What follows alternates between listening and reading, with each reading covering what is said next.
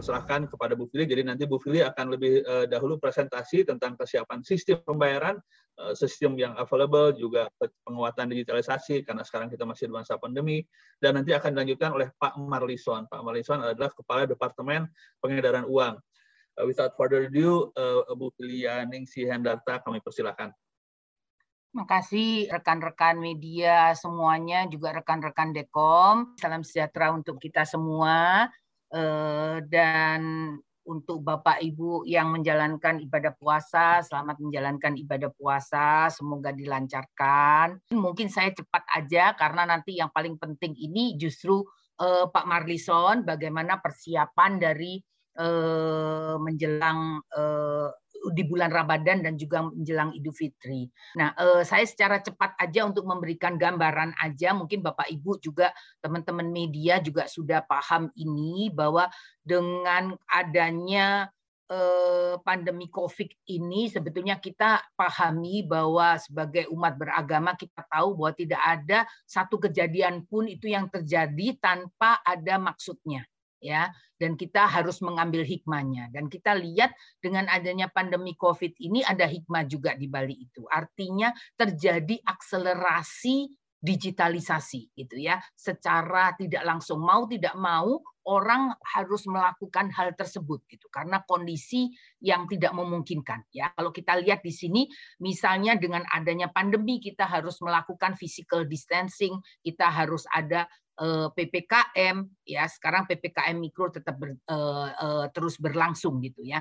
Nah kita tahu bahwa semuanya ini membawa dampak gitu pada perekonomian. Kita lihat aktivitas ekonomi juga berkurang gitu ya, tidak se pesat atau setinggi seperti biasanya karena ini kondisi yang tidak normal. Gitu. Aktivitas ekonomi juga menurun dan termasuk UMKM gitu ya. Kalau eh, teman-teman lihat dulu di pasar orang belanja di pasar dengan leluasa sekarang nggak bisa gitu. Kecuali kemarin menjelang men, hari eh, satu hari menjelang eh, puasa itu pasarnya penuh dan nggak pakai masker semua gitu ya. Itu yang kita bilang wah gawat juga ini ya. Nah, oleh karena itu kita melihat di Bank Indonesia sebagai otoritas sistem pembayaran, ini apa yang bisa dilakukan oleh Bank Indonesia. Artinya kita nggak melihat bahwa transaksi ekonomi, eh, aktivitas ekonomi nggak boleh terhenti dengan adanya eh, pembatasan itu. Artinya orang masih bisa melakukan kegiatan. Coba teman-teman perhatikan kapan terakhir teman-teman pergi ke kantor bank. Kayaknya mungkin setahun yang lalu ya, atau dua tahun yang lalu tetapi kapan teman-teman melakukan transaksi perbankan atau transaksi pembayaran? Mungkin satu menit yang lalu ya melakukan hal tersebut. Dan dilakukan dengan apa? Dilakukan tanpa kita perlu datang ke bank. Gitu ya. Artinya kita lakukan secara eh, non tunai, secara eh, digital ya. Artinya itu yang kita pikirkan sehingga kita mengatakan oke, okay, kalau kayak gitu kita harus mendorong cara bertransaksi tanpa tatap muka. Ya, meskipun tidak bertemu, tetapi kita tetap bisa melakukan transaksi, yaitu melalui digital payment. Nah, hal yang kedua, kita juga merespon dengan mendorong penguatan ekosistem digital. Artinya semuanya coba dihubungkan gitu ya terhubung ekosistem satu ekosistem terhubung. Jadi mulai dari yang berjualan lalu pembayarannya lalu juga pengirimannya dan lain-lainnya. Itu kita namakan satu ekosistem ya. Nah berikutnya kita lihat kebijakan-kebijakan yang diambil Bank Indonesia itu bagaimana dampaknya hasilnya. Dan kita lihat ternyata itu memberikan dampak yang besar ya dengan adanya COVID dengan adanya berbagai kebijakan digital payment itu akseptasinya meningkat ya. Karena apa? Masyarakat sudah berubah behaviornya ya. Saya baby boomer ya. Dulu nggak pernah saya ngelirik kalau uh, generasi saya mungkin kalau tidak memegang itu kayaknya kurang puas gitu ya. Pegang-pegang dulu lihat-lihat dulu coba-coba dulu tetapi sekarang nggak bisa itu dilakukan ya jadi mau tidak mau harus berubah. Ya kita nggak bisa pergi ke pasar. Jadi mau nggak mau harus mulai belajar uh, belanjanya online ya. Mau bayar nanti Pak Marlison akan jelaskan gitu ya. Kalau di tempat Pak Marlison itu duitnya keluar dari tempat Pak Marlison dijamin higienis. Tetapi begitu sudah berputar-putar nah itu nggak tahu. Nah, orang mulai agak eh, apa concern gitu ya. Sehingga mereka mengatakan ah lebih baik tidak melakukan kontak fisik dan lebih baik tidak menggunakan uang tunai dulu sementara ini. Jadi memakai uang elektronik, memakai kris dan memakai kartu kredit dan yang lain-lain. Nah, kita lihat bahwa ini digital payment ini terus terakselerasi sejalan dengan perilaku masyarakat. Masyarakatnya sendiri tadinya dia mencoba ada experience yang dia dapatkan Nah, experience itu sekarang sudah menjadi behavior. Ya, ini saya sendiri uh, uh, ngalamin gitu ya. Sekarang saya sudah terbiasa menggunakan kris, terbiasa belanja online gitu ya. Ini sudah menjadi behavior saya pada saat saya mendapatkan pengalaman bagaimana uh, semuanya itu memberikan kenyamanan bagi saya ya.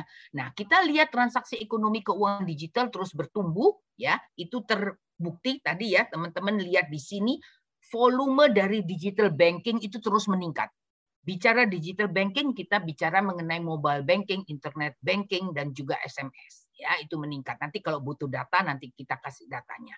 Nah, juga kita lihat nominal transaksi UE juga meningkat. Orang sudah terbiasa untuk eh, apa menggunakan UE juga ya. Dompet boleh ketinggalan tetapi jangan ketinggalan HP ya, jangan sampai ketinggalan HP. Dompet ketinggalan masih bisa belanja ya, tetapi HP ketinggalan repot ya.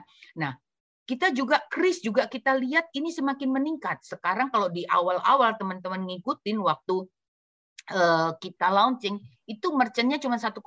Sekarang sudah uh, eh, 6,7 juta ya. Jadi artinya uh, kris semakin diterima apalagi nanti kalau didorong oleh uh, kampanye kris 12 juta merchant ya. Jadi artinya kita melihat ini cerminan dari akseptasi digital payment. Nah, berikutnya kita juga lihat e-commerce sendiri gitu ya. E-commerce kita lihat ini ekosistem digital melalui platform e-commerce ini semakin diminati masyarakat ya. Eh, mungkin kalau teman-teman media yang milenial gitu sama seperti yang anak saya mereka mengatakan mereka heran kalau kita pergi mau belanja ke Dep Store ke mall mereka heran gitu ya. Ngapain gitu.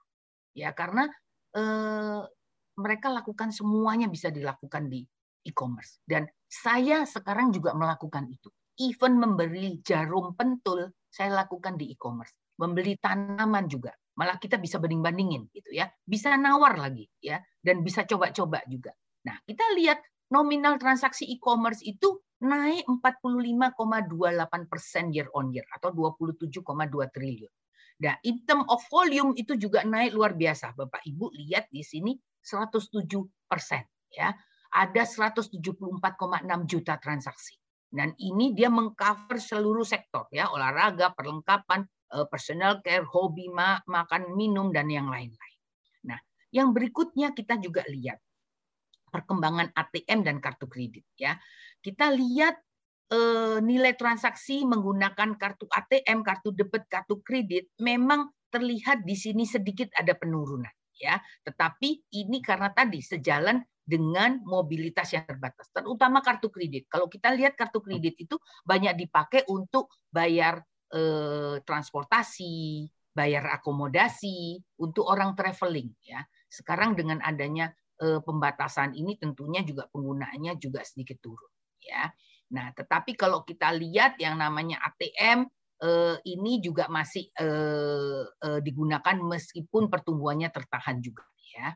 Nah, berikutnya Bapak Ibu ini kebijakan-kebijakan yang sudah kita lakukan dan mungkin akan terus kita lakukan ya untuk tadi karena ada physical distancing dan ini juga untuk menyambut Idul Fitri ini tetap kita lakukan ya misalnya optimalisasi penggunaan non tunai ya dengan cara tadi kita menurunkan biaya RTGS, biaya SNBI, lalu uh, suku bunga kartu kredit ya. Kartu kredit ini uh, sebagai buffer loh teman-teman, sebagai buffer konsumsi gitu ya. Kalau kita lagi BU-BU ya udah pakai kartu kredit dulu, lumayan lah satu bulan gitu ya. Kalau masih belum bisa uh, bayar penuh ya bayar minimalnya dulu gitu ya. Jadi itu dia membantu. Nah, juga eh, apa penerapan eh, MDR kris yang 0% itu juga membantu. Ini Bapak Ibu bisa lihat di sini ya, bagaimana Bank Indonesia mencoba eh, kita melihat untuk SKNBI untuk membantu perputaran kegiatan ekonomi itu bank bayar ke Bank Indonesia itu hanya satu rupiah ya. Jadi artinya bank juga bisa untuk SKNBI itu charge-nya itu hanya maksimal 2.900 ya dari yang dulu itu 3.500 ya.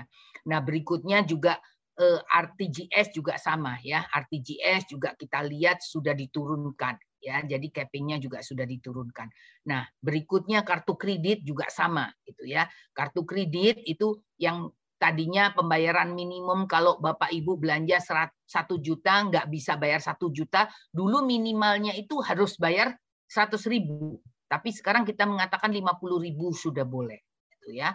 Suku bunganya juga diturunkan menjadi dua persen ya. Denda keterlambatan kalau lupa lupa belum bayar. Kalau dulu tiga persen dan maksimum 150 sekarang kan satu persen dan maksimum cuma eh, seratus ribu ya. Jadi artinya eh, itu yang kita lakukan. Dan kita juga mengatakan kalau untuk akuisisi karena nggak bisa tatap muka jadi penggunaan dokumen boleh. Dokumen surrogate income nggak perlu uh, struk gaji, tetapi misalnya tagihan-tagihan listrik, tagihan internet itu sudah bisa untuk untuk uh, apa bukti gitu ya. Terus tanda tangan juga boleh elektronik gitu karena tadi nggak ada tetap muka ya. Nah, berikutnya itu penyesuaian MDR kris ya. Kita lihat MDR uh, di sini kita mengatakan untuk mikro karena kalau Pak bicara kris ini dia lebih banyak uh, 87% merchantnya itu UMKM, mikro ya. Sehingga kita mengatakan oke okay, ini yang harus dibantu mikro. Kita mengatakan MDR-nya yang tadinya 0,7 kita sesuaikan sementara menjadi 0% sampai dengan Desember 2021 ya. Jadi jumlahnya itu kita lihat bahwa ini cukup besar dan ini kris ini dipakai untuk mendukung program eh, pemulihan ekonomi nasional eh, program pemerintah untuk gerakan bangga buatan Indonesia, gerakan bangga berwisata di Indonesia saja, dan juga mendukung TP2DD. Kalau teman-teman tahu bahwa sudah keluar kepres yang mewajibkan eh, pemerintah daerah di tingkat provinsi, kabupaten, dan kota Madia untuk membentuk TP2DD. Apa itu? Tim Percepatan dan Perluasan Digitalisasi Daerah. Jadi artinya semua eh, eh, transaksi keuangan pemerintah daerah itu harus elektronifikasi ya dan artinya restribusi segala macam itu harus secara elektronik non tunai dan ini dibantu dengan kris ya. Kris eh, jadi memudahkan itu. Eh, restribusi pasar lalu bayar eh, apa eh, eh PBB STNK dan lain-lain. Dan ke depan bansos juga akan dilakukan digitalisasi ya. Mungkin ada pilihan bisa tunai eh, tunai nggak bisa lagi? Eh, bisa eh, menggunakan kartu dan bisa menggunakan eh, apa non kartu Nah, ini artinya berikutnya ini kita lihat bahwa uh, Chris itu kan uh, biasanya dulu kan dia harus di-scan di depan kasir ya. Tetapi dengan adanya uh, pandemi ini kita keluarkan fitur namanya TTM gitu ya, bukan teman tapi mesra tetapi tanpa tatap muka. Jadi artinya nggak usah ketemu kasirnya. Kita tinggal WA, kita tinggal belanja order makanan dan restorannya akan mengirimkan uh, krisnya dan kita tinggal scan. Jadi tanpa tatap muka. Dan ini yang terjadi pada saat Bapak Ibu melakukan zakat infak sadako atau donasi kemanusiaan atau persembahan di hari Minggu atau eh, donasi di atau ini di, di pura dan di vihara ini sudah dilakukan dengan kris. Artinya ini kris tanpa tatap muka ya. Jauh di mata, kris di hati gitu ya. Jadi ini bisa ditransaksikan begitu. Nah, berikutnya ini operasional SP ya yang dalam rangka Ramadan ini selama bulan Ramadan dan eh, dalam rangka menghadapi Idul Fitri layanan eh, sistem pembayaran Bank Indonesia yang terdiri dari sistem Eh, BI RTGS, BI S4, BI TP, dan SKNBI tetap dilaksanakan sesuai jadwal yang berlaku. Kecuali periode hari libur yaitu tanggal 12 sampai 14 Mei itu ditiadakan. Tetapi tanggal 17 Mei seluruh layanan eh, sistem pembayaran Bank Indonesia kembali beroperasi penuh sesuai dengan eh, ketentuan yang ada ya. Dan kami memastikan bahwa infrastruktur dan SDM dari penyelenggara ini siap ya dan kami juga mempersiapkan gas bank ya di kantor pusat maupun di KPWDN di kantor perwakilan. Apa itu gas bank? Jadi artinya kalau misalnya sistemnya bank itu terjadi error, maka bank itu bisa datang ke Bank Indonesia kita siapkan uh, gas bank. Jadi dia bisa menggunakan perangkat infrastruktur uh, di Bank Indonesia uh, selayaknya dia ada di banknya itu untuk terhubung dengan SPBI kita ya dan kita juga melakukan split operation di LKU dan juga di LKA. Jadi untuk mendukung ini kita terus menggerakkan utamanya untuk kris program kris 12 juta merchant ya. Artinya ini diperbanyak eh, baik untuk donasi eh, khususnya di eh, bulan Ramadan ini dan juga karena banyak sekali juga bencana yang kita alami. Jadi kris ini eh, sangat membantu dan juga eh, karena tadi TP2DD itu juga mengharuskan Pemda juga mulai Eh, meminta eh, untuk dilakukan pembayaran-pembayaran dengan kris. Juga BPD BPD ini juga membantu Pemda setempat. Jadi ini yang kita lakukan dari sisi non tunainya. Mungkin itu Pak Erwin, saya kembalikan ke Pak Erwin untuk dilanjutkan dengan sisi tunainya dari Pak Marlison. Makasih. Makasih banyak Bu Fili, saya kira jelas sekali apa yang sedang kita upayakan tadi juga menggarisbawahi bahwa dalam masa pandemi ini semacam blessing in disguise ya Bu Filia dan kita ternyata sudah sangat siap dan akseptasi masyarakat juga uh, sangat bagus di sana sehingga terus kita tetap akan mengupayakan.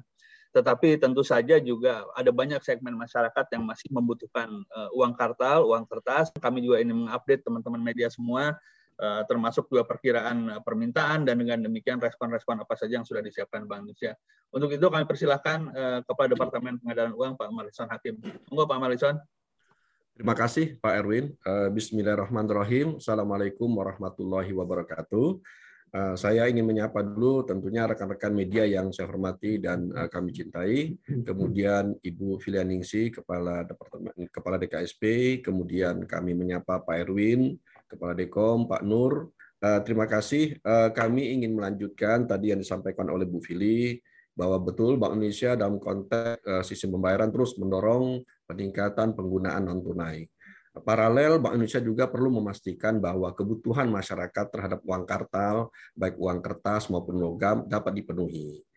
Nah, dalam konteks ini, Bank Indonesia meyakini dan menjamin bahwa kebutuhan uang kartal di masyarakat dalam nominal yang cukup, ya jenis pecahan yang sesuai kebutuhan, tepat waktu dan dalam kondisi yang layak edar dapat dipenuhi oleh Bank Indonesia, termasuk pada masa atau periode Ramadan dan Lebaran 2021.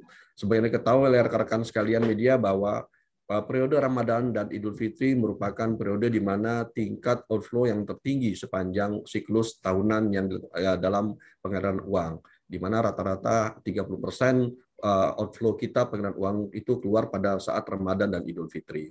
Pada kesempatan ini kami ingin menyampaikan tentang bagaimana kesiapan proyeksi uh, pemenuhan kebutuhan uang kartal untuk periode Ramadan dan Idul Fitri 2021.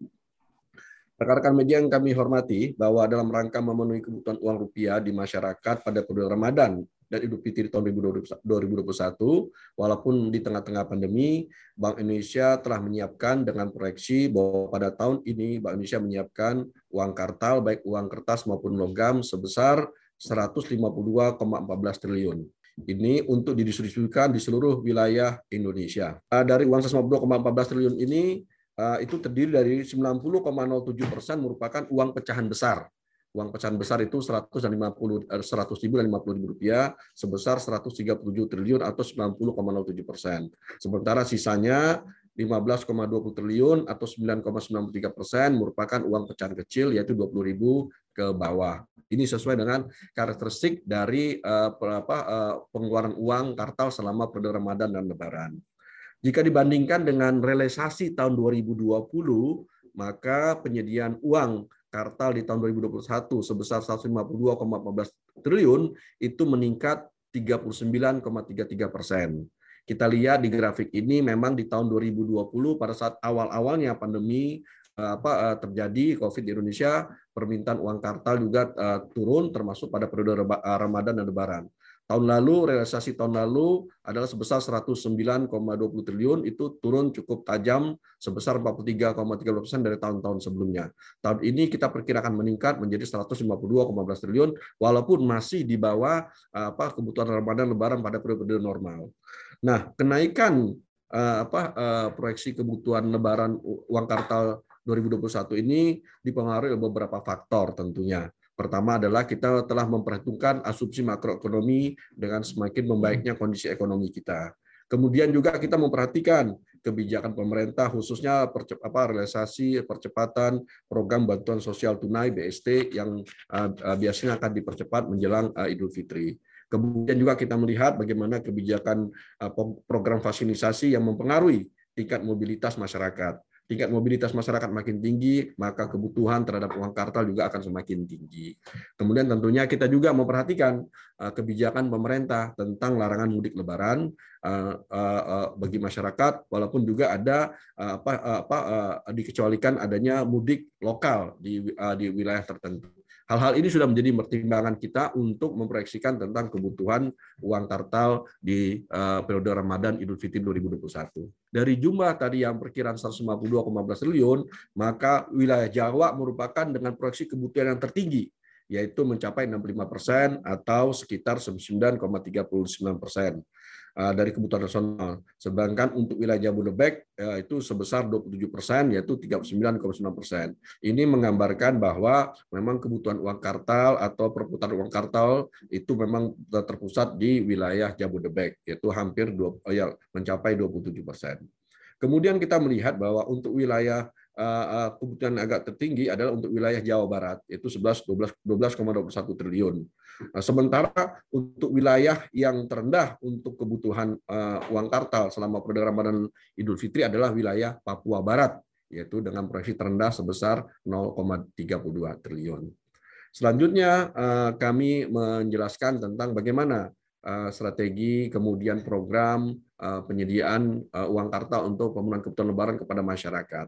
Di slide berikutnya, di slide 23, eh, pertama adalah sebagai bentuk dukungan Bank Indonesia terhadap kebutuhan uang kartal, maka kami Bank Indonesia memberikan layanan penukaran. Tetapi eh, selama sejak COVID kemarin, Bank Indonesia tidak melayani atau memberikan layanan secara individual kepada masyarakat. Kalau sebelum-belumnya kita sering mendengar, sering melihat penukaran di Monas, ya, di pelabuhan segala macam individual di pasar-pasar selama oh, tahun lalu dan tahun ini kami juga melakukan hal yang sama, tidak memberikan layanan secara individual kepada masyarakat. Namun kami memberikan melakukan penukaran melalui perbankan dan kemudian perbankan nanti dengan masyarakat atau kelompok masyarakat. Nah, eh, periode layanan kas kita akan mulai sudah kita mulai sejak 12 April kemarin sampai dengan H-2 Lebaran yaitu 11 Mei 2021. Kemudian eh, ada pun titik layanan penukaran ini eh, eh, kami telah bersinergi dengan perbankan terdapat 4.608 kantor cabang atau outlet perbankan bank umum yang akan melayani penukaran uang kepada masyarakat. Dibandingkan dengan periode tahun sebelumnya, tahun 2020 itu meningkat 23 persen. Peningkatan ini tadi juga didasarkan atas pertimbangan beberapa aspek, termasuk adanya mulai meningkatnya mobilisasi masyarakat dan tentunya mulai menggeliatnya ekonomi-ekonomi yang ada di masyarakat juga.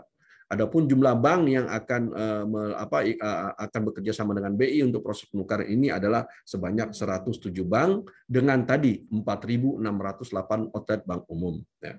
Kalau kita melihat, kemudian kita lihat lagi bahwa untuk layanan penukaran tahun ini secara individual tidak dilakukan oleh oleh Bank Indonesia termasuk uh, apa perbankan. Yang dilakukan adalah pelayanan penukaran secara wholesale di mana uh, Bank Bank Indonesia akan memberikan layanan penukaran kepada perbankan tentunya termasuk beberapa stakeholder kita, beberapa lembaga instansi yang memang memerlukan penukaran secara wholesale. Adapun untuk perbankan, perbankan uh, akan melakukan penukaran itu kepada tentunya kepada nasabahnya ya kepada kelompok masyarakat dan tentunya dengan beberapa apa beberapa lembaga atau industrinya itu yang kita lakukan di dalam tahun 2021 ini kenapa itu kita lakukan secara wholesale tidak lakukan secara retail karena memang kita meng, apa kita mencegah menghindari uh, apa uh, terjadinya apa klaster atau uh, dampak pandemi di dari sektor perbankan. Jadi protokol kesehatan itu betul-betul diterapkan oleh kita dengan cara ya tadi kita mengurangi kerumunan, kemudian mengurangi penumpukan masyarakat khususnya dalam penukaran-penukaran uang ini. Itu yang betul-betul kita lakukan kepada uh, perbankan dan masyarakat. Eh, walaupun pandemi, walaupun terjadi penurunan di titik-titik penukaran karena emang kita khawatir dengan pandemi, cuman dengan langkah-langkah yang lebih wholesale, mudah-mudahan tetap memenuhi permintaan. Saya kira dengan demikian bisa disimpulkan bahwa kita sudah siap menghadapi Ramadan dan Lebaran hari ini. Mudah-mudahan uh, semuanya lancar, masyarakat tetap bisa bertransaksi dan tetap bisa merayakan Ramadan dan hari kemenangan nanti di Idul Fitri yang akan datang. Dengan demikian saya tutup. Terima kasih sekali lagi kepada uh, Bu Fili yang sedang ulang tahun dan kepada Pak Marison yang sangat semangat. Mudah-mudahan semua sehat, uh, bahagia, sejahtera, uh, dan semakin bangga dengan rupiah. Cinta, bangga, dan paham rupiah ya Pak Marison. Dengan demikian uh, kita akhiri. Wabillahi taufiq wal hidayah. Wassalamualaikum warahmatullahi wabarakatuh.